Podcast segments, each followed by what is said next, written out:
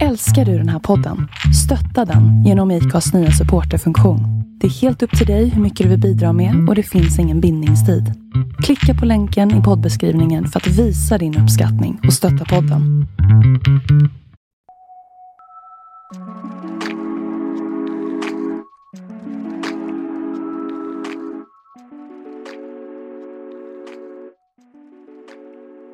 När dokumentären Tindersvindlaren släpptes på Netflix nyligen så blev den snabbt populär över hela världen och seriens huvudrollsinnehavare Simon Leviv blev plötsligt någon slags posterboy för fenomenet romansbedrägeri. Enligt Federal Trade Commission så har just romansbedrägerier ökat kraftigt på senaste tiden. Under 2020 så räknar man med att bedragare lyckats vinna till sig över 304 miljoner dollar genom att spela på andra människors känslor och kärlekstörst. En ökning med 50 procent bara jämfört med året innan. I dagens avsnitt kommer vi gå igenom vad romansbedrägeri är för någonting, vilka lagar som blir tillämpliga och hur man ska agera om man råkat ut för det. Dessutom kommer vi ha med en gäst i dagens avsnitt som kommer att dela med sig av sin berättelse av att ha blivit utsatt för en romansbedragare. I avsnittet kommer vi kalla henne Anna, men det är inte hennes riktiga namn. Och hon träffade en man som vi kommer att kalla för Adam kort efter det att han hade avtjänat ett fängelsestraff för att ha bedragit över 20 målsäganden, var den ena var hans dåvarande fästmö som han hade vilselett att genomföra betalningar på över 1,1 miljoner kronor, bland annat för en lägenhet i New York som aldrig köpts. Anna hade ingen aning om domen när hon och Adam träffades och nu är han återigen dömd för att ha lurat Anna på nästan 400 000 kronor. Vid det här laget vet nog de allra flesta vad Tindersvindlaren handlar om. Men kortfattat så får vi i Netflix-dokumentären stifta bekantskap med ett antal kvinnor från städer runt om i Europa som alla har inlett relationer av olika slag med en man som påstår sig heta Simon Leviv efter att de har matchat på Tinder. De olika kvinnornas berättelser är i stora drag väldigt lika varandra. De börjar med att Simon Leviv bjuder dem på dyra dejter, fina restauranger och resor med privatjet. På hans Instagram handlar det mesta om att visa upp sina flashiga sportbilar, svindyra märkeskläder och bilder från exklusiva resmål. Han utger sig för att äga allt från diamantbolag till vapentillverkare. Lukrativa men också farliga branscher som gör att det förefaller rimligt när han efter att ha byggt upp ett förtroende hos sina offer plötsligt ber om stora summor pengar för att hans fiender är efter honom och hans tillgångar är tillfälligt frusna. Tillvägagångssättet är väldigt utstuderat och sker alltid efter en lång tid av att ha bjudit sina offer på dyra presenter, resor och restaurangbesök. När offren sedan har skickat över pengar till Simon, ofta hundratusentals kronor, så får de aldrig tillbaks dem. Och Simon verkar använda det ena offrets pengar till att finansiera en dyr livsstil menat att locka in nya offer i en form av sofistikerat pyramidspel. Det här är på inget sätt ett nytt fenomen, men som vi nämnt tidigare så har brottet eskalerat den senaste tiden. Man kan spekulera i om det beror på teknikens utveckling och enkelheten i att träffa människor och framförallt kanske potentiella romantiska relationer i och med datingapparnas ökade popularitet. Fallen ser också olika ut. Det är inte så att Tindersvindlaren är någon form av blueprint eller att det uteslutande är män eller kvinnor som är offer eller förövare.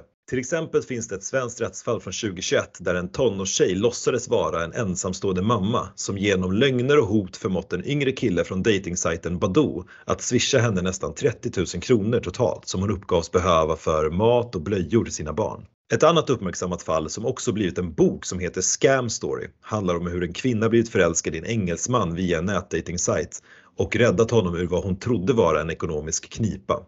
Det var såklart också en lögn.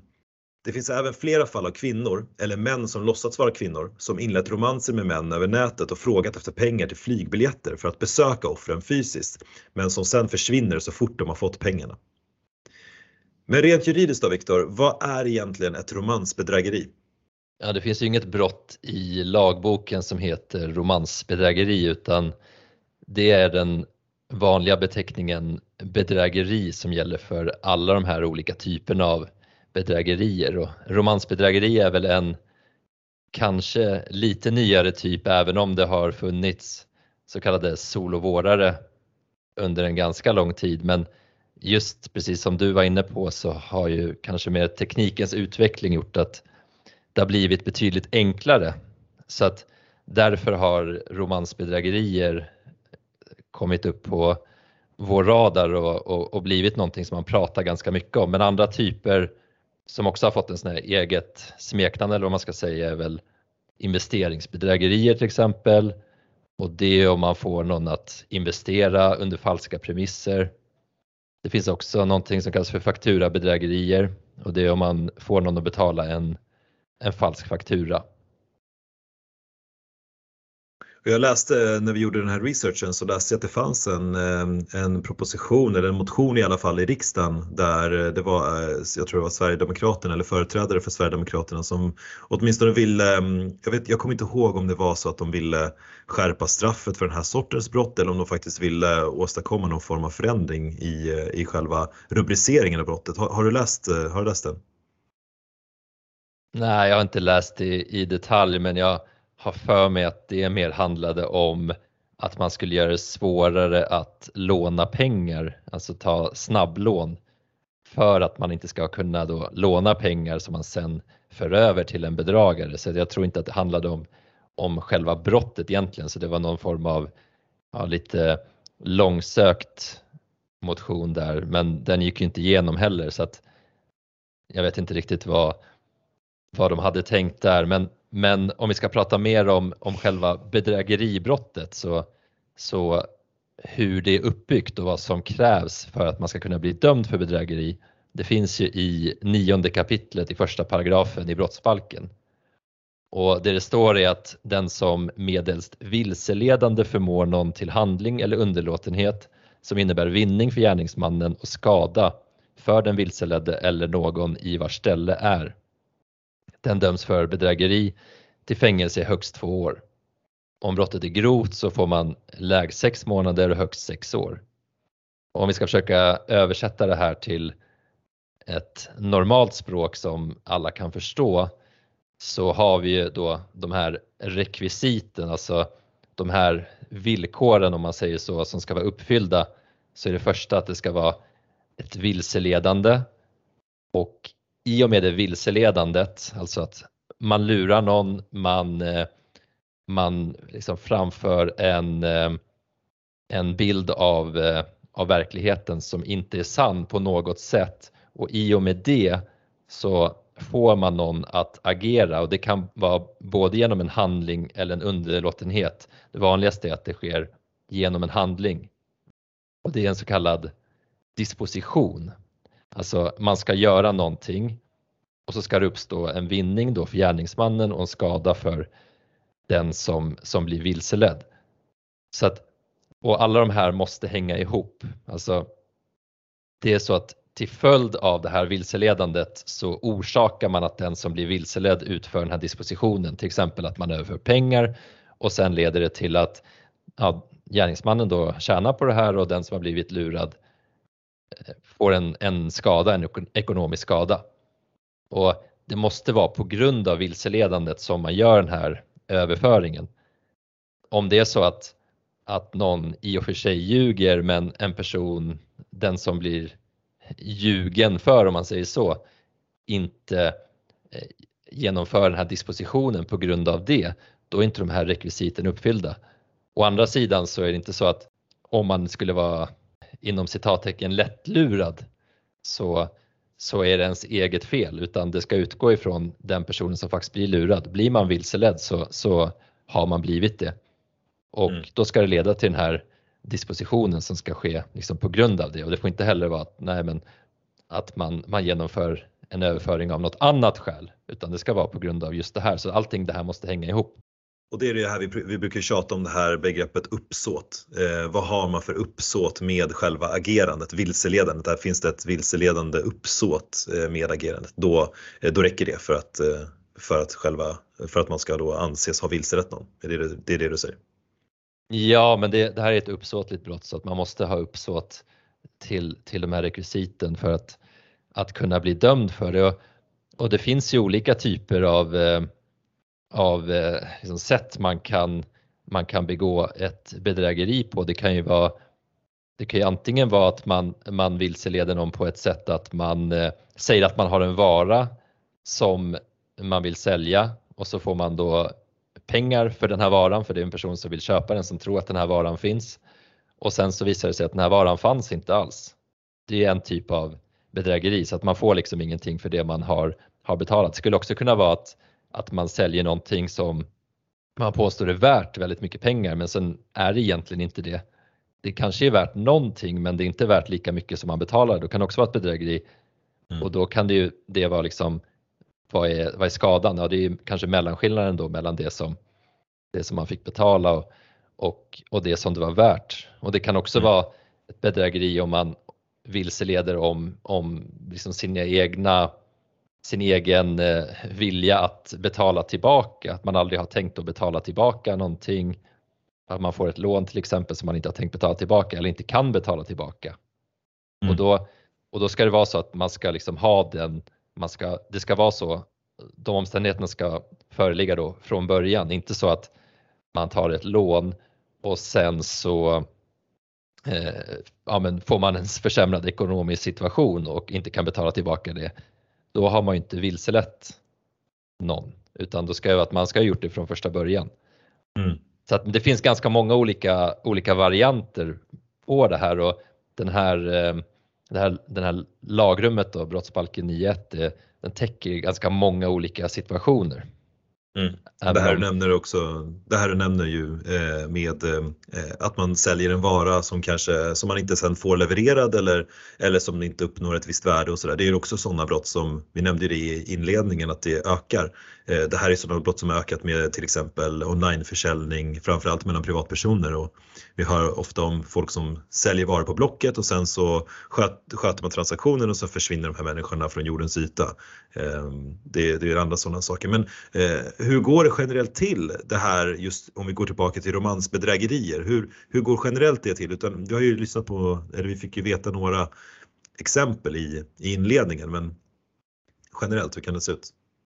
Ja, men det är som alltid när, eh, när en, en, en typ av brottslighet exploderar och när eh, vissa personer då som har kriminella värderingar och som, som eh, kan tänka sig att begå den här typen av brott märker att det finns mycket pengar i en viss typ av brottslighet då, då, då, då kan ju den brottsligheten explodera och då kan det ju bli så att det kan ske på väldigt många olika sätt. Så jag tror inte det finns någonting som är så här, det här är ett typiskt eh, romansbedrägeri eller, eller det är så här de alltid ser ut utan det finns nog väldigt många olika varianter som förr i tiden som vi sa innan, de här solovårarna, mm. då, då behövde man väl antagligen träffa varandra. Det är lite svårare att göra kanske via brev även om det, ja. ja, via ja, telefon har man väl kunnat göra ett tag men, och sådär, men, men med internet så är det ju liksom oändliga möjligheter att ta kontakt med, med vem som helst och att inte behöva visa vem man är på riktigt utan man kan hitta mm. bilder som tillhör någon annan person man kan visa upp liksom en livsstil som inte är ens egen utan att, utan att det går att, eh, att komma på att, att, att det inte är så om man inte skulle göra väldigt noggrann research och det tror jag det är få som gör men av de fallen som vi har tittat lite på och vad vi har läst om så, så är det ju ganska ofta så att det finns en person då som påstår sig bo i i något annat land. Och nu, om vi tittar nu på då hur det ser ut med romansbedrägeri i Sverige så en person säger att man bor i något annat land än Sverige och eh, kanske påstår sig befinna sig på någon plats som gör att det är svårt att träffas. Det kan till exempel vara att man är militär, läkare i något krigsdrabbat område eller sådär. Och sen så finns det också exempel på en, när personer de påstår att de har någon form av statusyrke eller att de är rika av en annan anledning. Det är också väldigt, väldigt vanligt. Och det som är gemensamt för de som eh, ändå blir lurade av det här är att av någon anledning så ser man sig själv ha en framtid med den här personen som man har fått kontakt med. Och det sker ju inte över en natt utan det, sker, det, det byggs ju upp en, ett förtroende och en relation på lång sikt. Och de här personerna som, som genomför de här bedrägerierna, de är ju såklart väldigt skickliga på det och framställa sig som ja, men charmiga personer som, som, som vill väldigt väl och som vill ha en långsiktig relation. Och det kan ofta vara så att det är den här då bedragaren som i, först, i första hand gör någonting för att kanske visa att att han är seriös eller att han har pengar. Ibland kan det vara så att man skickar mindre gåvor. Det fanns ett fall som, som jag hade läst och då, då påstod sig en, en person ha skickat ett paket eh, till en kvinna men eftersom det här paketet hade fastnat i tullen så skulle det kosta ganska mycket för att få ut det och då, då bad han då den här kvinnan om hjälp och betala den här summan för att få ut paketet. Och, och det var inte så jättemycket pengar men, men man kan ju tänka sig att det här är någon form av test då för att se om de här personerna är villiga att betala någonting. Alltså mm. är man villig att betala en liten summa så kan det sen bli högre summor och sådär. Mm, men det eskalerar. Precis, och, och, andra exempel att man, man behöver pengar till något projekt, man har något liksom stort eh, eh, projekt, arbetsprojekt, man kanske är någon, någon, eh, någon stor, liksom, man är någon egen företagare som har några viktiga projekt som man måste få pengar till direkt för att kunna genomföra och man har svårt att få loss likvida medel på en gång, man kan eh, behöva åka på resor, man behöver boende och anledningen till att man har liksom inte likvida medel nu är att man kanske har blivit av med, med sina kort eller så har man de här eh, stora tillgångarna som man påstår sig ha låsta på något annat sätt. Mm. Eh, så det är därför man behöver pengar snabbt och, och då händer det också att för att visa då att man har tillgångar så, så händer det att, eh, att man producerar falska handlingar som, som visar att ja, man har tillgångar och sådana handlingar kan ju vara ganska svåra och, och eh, och utläsa och, och, förstå att de är falska. Det, det, mm. det är liksom skickliga personer som, som ofta gör de här sakerna som får de här att se riktiga ut. Och för att hålla de här relationerna igång så kan det vara så att det sker någon form av liksom växelspel att eh, den här som är bedragaren då skickar ibland tillbaka eh, lite pengar och bjuder på vissa saker och sådär och så att eh, han visar sig att vara seriös och så håller man igång det här under en längre tid. Mm. Och vilka risker finns det med det här? Ja, alltså det finns ju väldigt stora risker såklart. Den alldeles uppenbara risken är att man, man skickar sina egna pengar till någon och det blir svårt att få tillbaka dem eftersom man inte vet vem man har skickat pengarna till. Man tror att man har skickat det till någon men, men egentligen så var det någon helt annan. Och om man ska kunna få tillbaka några pengar då så, så måste man ju först kunna identifiera vem den här personen är och sen så måste den här personen ställas inför rätta och mm.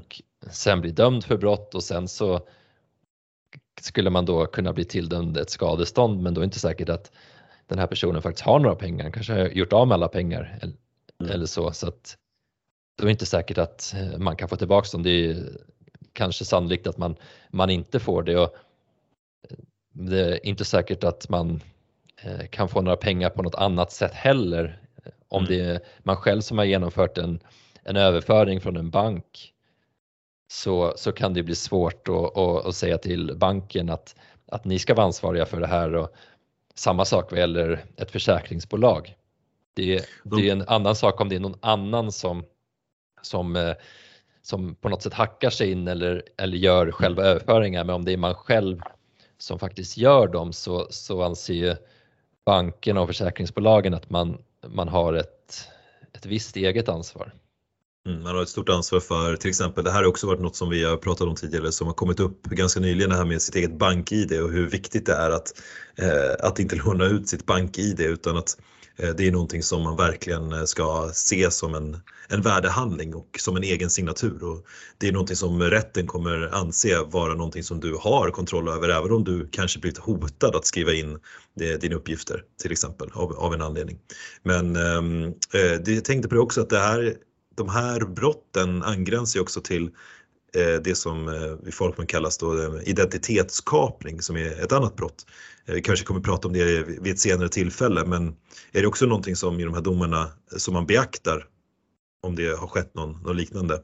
Och var går gränsen där? Mm, nej, inte vad jag har sett men det har jag faktiskt inte sett men jag skulle vilja nämna en, en annan risk som, mm. som man kan utsättas för och det har jag ju sett i, i flera av de här fallen att man inte bara för över sina egna pengar som man har utan man faktiskt också tar lån i, mm. inom bank eller från något låneinstitut mm. för att kunna betala då till den här andra personen. Och Så att jag som offer tar, tar ett lån för att kunna betala den här eh, flygresan eller det här eh, för att den här personen ska ha sitt, sitt arbetsprojekt, alltså själva förövaren helt enkelt. Ja precis och, och då gör man ju såklart det för att man räknar med att, att få tillbaka de här pengarna så att man kan betala mm. tillbaka mm. det här lånet.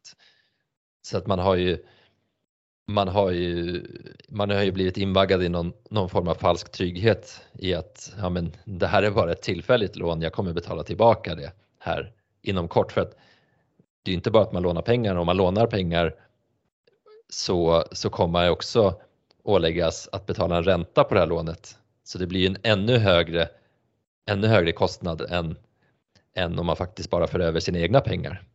Mm. Så att, och, och det stora problemet med det är ju att då har man ingått ett avtal med en bank till exempel och då är det du som ingår avtalet med banken. Det är bara ni två som är avtalsparter och mm. om du har ingått ett sådant låneavtal där banken egentligen inte bryr sig om vad du gör med pengarna. Mm. Då, då, då är det helt och hållet ditt eget problem att du har fört över pengarna sen till en annan person. Mm. För banken kommer ju bara kräva dig på pengarna för det är du som har lånat det och det är du som har bestämt vad du ska använda dem till. Så mm. det är en, en, stor risk och där har jag sett att det finns flera sådana fall där bankerna har krävt tillbaka pengarna för de här lånen mm. där personer har kommit med invändningen och sagt att nej fast jag har blivit utsatt för ett bedrägeri. Mm. Och då har banken då sagt att nej men det är inte någonting som vi har med att göra, det är inte inom vårt avtalsförhållande och då har också domstolen accepterat det och sagt att mm. det här låneavtalet gäller och man är skyldig att betala tillbaka det till banken. Hur skyddar man sig mot, eh, mot det? Ja, alltså hur skyddar man sig mot det? Det är väl på samma sätt som man skyddar sig mot att inte föra över sina egna pengar. Mm. Egentligen. Iaktta alltså, försiktighet helt enkelt. Ja, det finns, alltså det finns inget särskilt sätt att skydda sig mot det. Vi kanske kommer in lite på, på olika, olika tips och så, men det mm. känns ju som ett, ett, eh, ett grundläggande eh, tips eller skydd är att inte föra över pengar till, till någon som man inte vet vem man är. Men det, det är att göra liksom det här till ett eh, ja, men som att, att man, inte, man inte har någon förståelse för att man kan bli utsatt för det här. För att självklart så när man gör det här så man, man tror ju inte att det kan sluta på det här sättet. Man tror ju att man har koll på situationen. Mm. I de allra flesta ja. fall. Jag tror att annars skulle man inte göra det här. Nej, absolut. Och vi ska ju få insyn lite senare när vi ska intervjua en person som blivit utsatt för det här och få ytterligare förståelse för hur, hur det känns på insidan och, och hur man hamnar i den här situationen. Då. Men nu har vi i alla fall pratat ganska mycket straffrätt. Skulle det här också kunna betraktas som civilrätt i något fall? Ja, vi var inne lite på det där i början när vi pratade om uppsåt och om det är så att att det inte finns något, något brottsligt uppsåt från den som vill ha pengar så det finns inget vilseledande. Och det är en person som faktiskt har hamnat i en knipa och vill eller behöver eh, pengar. Och eh, den då approcherar en, en annan person och säger ja men jag har hamnat i den här knipan, skulle jag kunna få låna de här pengarna av dig eller skulle jag kunna få de här pengarna av dig? Låt säga att då det finns inget brottsligt uppsåt överhuvudtaget och det här är sant. Ja, då skulle man ju då eh, kunna tänka sig att man ingår i ett, ett, ett civilrättsligt avtal helt enkelt, alltså ett låneavtal. Mm. Antingen då så, så, så kommer man överens om, okej okay, men här har jag liksom lånat ut de här pengarna till dig och du är skyldig eh, att betala tillbaka dem. Det, det är ett alternativ. Det andra alternativet om man inte kommer överens om det eller om man uttryckligen säger att nej men okej men jag ger dig de här pengarna. Ja då, då har det ju varit en gåva. Och, mm. Eh, och, och, och då, då, finns det liksom inget, inget brott i det här och det skulle som jag sa innan också om, om, om det sen skulle visa sig att den här personen faktiskt inte kan betala tillbaka för att det är någonting som har hänt. Han, han skulle egentligen ha, ha haft möjlighet eller har inte, i alla fall inte påstått att, att eh, han hade en jättegod ekonomisk situation Eh, antingen det att han inte har påstått det eller så, så har han sagt att han har bra ekonomi men inte just nu men sen visar det sig att det försämras. Ja, då, då kan det bli svårt att, att betala tillbaka pengarna och då, då, då hamnar vi i en lite annan situation att, att då får man ju stämma liksom civilrättsligt istället. Mm. Då blir det inte någon åklagare som blir inblandad utan då blir det tvistemål. Men det, det beror på som sagt, finns det något brottsligt uppsåt? Vad har man kommit överens om? Mm. Det, det, I de här fallen som vi pratar om när vi kallar romansbedrägerier så, så är det ju sannolikt inte på det här sättet mm. eftersom då skulle vi inte kalla det bedrägerier. Men det finns en, en, eh, en variant som att det här skulle kunna vara aktuellt. Ja. En annan sak som jag tänker på ganska mycket i de här fallen det är ju, jag kollade bland annat på eh, han Simon Levivs Instagram för, jag tror det var en vecka sedan, han är i ropet igen nu, han är fri, en fri man. Han har öppnat upp sin Instagram och han eh, skryter i princip om hela den här Tindersvindla-grejen. Han ska bli eh, Hollywood-kändis nu, han ska sälja sin sida av storyn. Eh, och när folk har frågat på hans Instagram om eh, hur han kan göra på det här sättet så har han liksom ganska Eh, nonchalant svarat liksom att han har inte stulit några pengar, han har bara lånat. Och så har han gjort liksom emojis och typ så här. Ja, så vad ska ni göra åt saken i princip? Så vad, vad är egentligen den här gränsdragningen mellan att stjäla och att låna?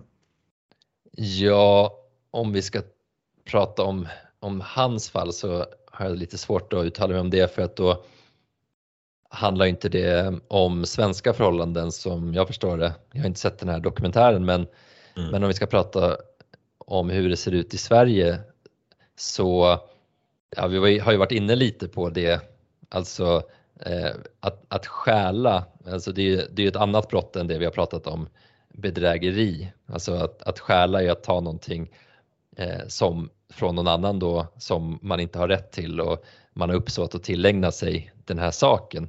Så det är en annan sak eh, än, än, än bedrägeribrottet, det är, en, det är en annan konstruktion men, men mm. som, alltså skillnaderna är ju ofta, även om det, det handlar om pengaöverföringar, det handlar om någon form av eh, påstående att man behöver pengar till någonting. Ja, skillnaden är ju vad som faktiskt är sant och om det finns något brottsligt uppsåt i det här. Mm. Ja. Det, det, det är ju det, så det är ju det jag pratar om, det här vilseledandet. Mm. Och du nämner ju lite här med eh, om brott begås i olika länder, för i det här fallet så är det ju eh, i Tindersvindlaren, om vi ska gå tillbaka till den, så träffar han ju tjejer från, eh, jag tror han träffar från Nederländerna, från England, Norge, Sverige och så vidare. Så hur, hur tänker man där rent juridiskt? Vilken lag är det som gäller? Ja, men där finns ju lite Alltså de reglerna kan ju vara ganska komplicerade att förstå om det är, för vissa brott kan ju på något sätt begås i flera länder samtidigt. Alltså det kan ju vara så att man befinner sig på olika platser. Mm. Det, det, kan ju ske brott eh, på internet och mm. i, i svensk rätt så, så finns det ju eh, speciella regler för vad som händer om ett brott är eh, begånget i Sverige det finns vissa regler för det och sen finns det om brott är begångna utomlands och av vem då som har begått brottet, om det är en svensk medborgare eller om det är en, en person som uppehåller sig i Sverige och så vidare. Och eh, om det är brott som är begångna utomlands så är huvudregeln att de ska vara straffbara i båda länderna så om ett brott är begånget utomlands så ska det även vara straffbart där och i svensk lag för att man ska kunna åtala i Sverige. Så att eh, det är en, en, en del av det här. Och sen så vad gäller då om man haft kontakt på internet och fört över från pengar från Sverige så skulle man kunna säga att en del av brottet har, har begåtts i Sverige och skulle kunna prövas i Sverige. Men det som blir ett problem i det fallet är om gärningsmannen är en utländsk person som inte befinner sig i Sverige, då är det inte speciellt lätt att, att åtala honom för då kommer det bli ett, eh, ett utlämningsförfarande som man skulle behöva sätta igång för att få hit den här personen. Och eh, det, det gör man inte om det, om det är lindrig brottslighet, det måste vara ganska allvarligt. Och sen så vet man ju inte om det här andra landet där personen befinner sig kommer lämna ut eh, sin medborgare. Så att det kan bli ganska komplicerade Eh, situationer och eh, som inte är alldeles klart på, på förhand hur det ska hanteras.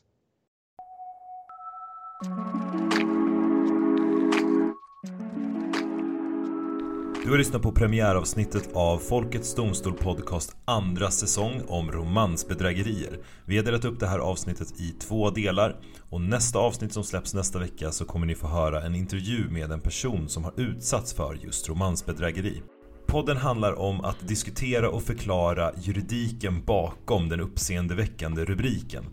Så är det någonting som du undrar över eller är det något rättsfall eller någon nyhet som du läser som du tycker verkar helt galen eller som du undrar lite över Då är det bara att kontakta oss på info.folketsdomstol.se eller på vår Instagram, folketsdomstol. Du kan även se gamla avsnitt och lyssna på dem på eh, antingen Apple Podcaster eller på Spotify eller någon annan plats där ni brukar lyssna på poddar. Eller på vår hemsida www.folketsdomstol.se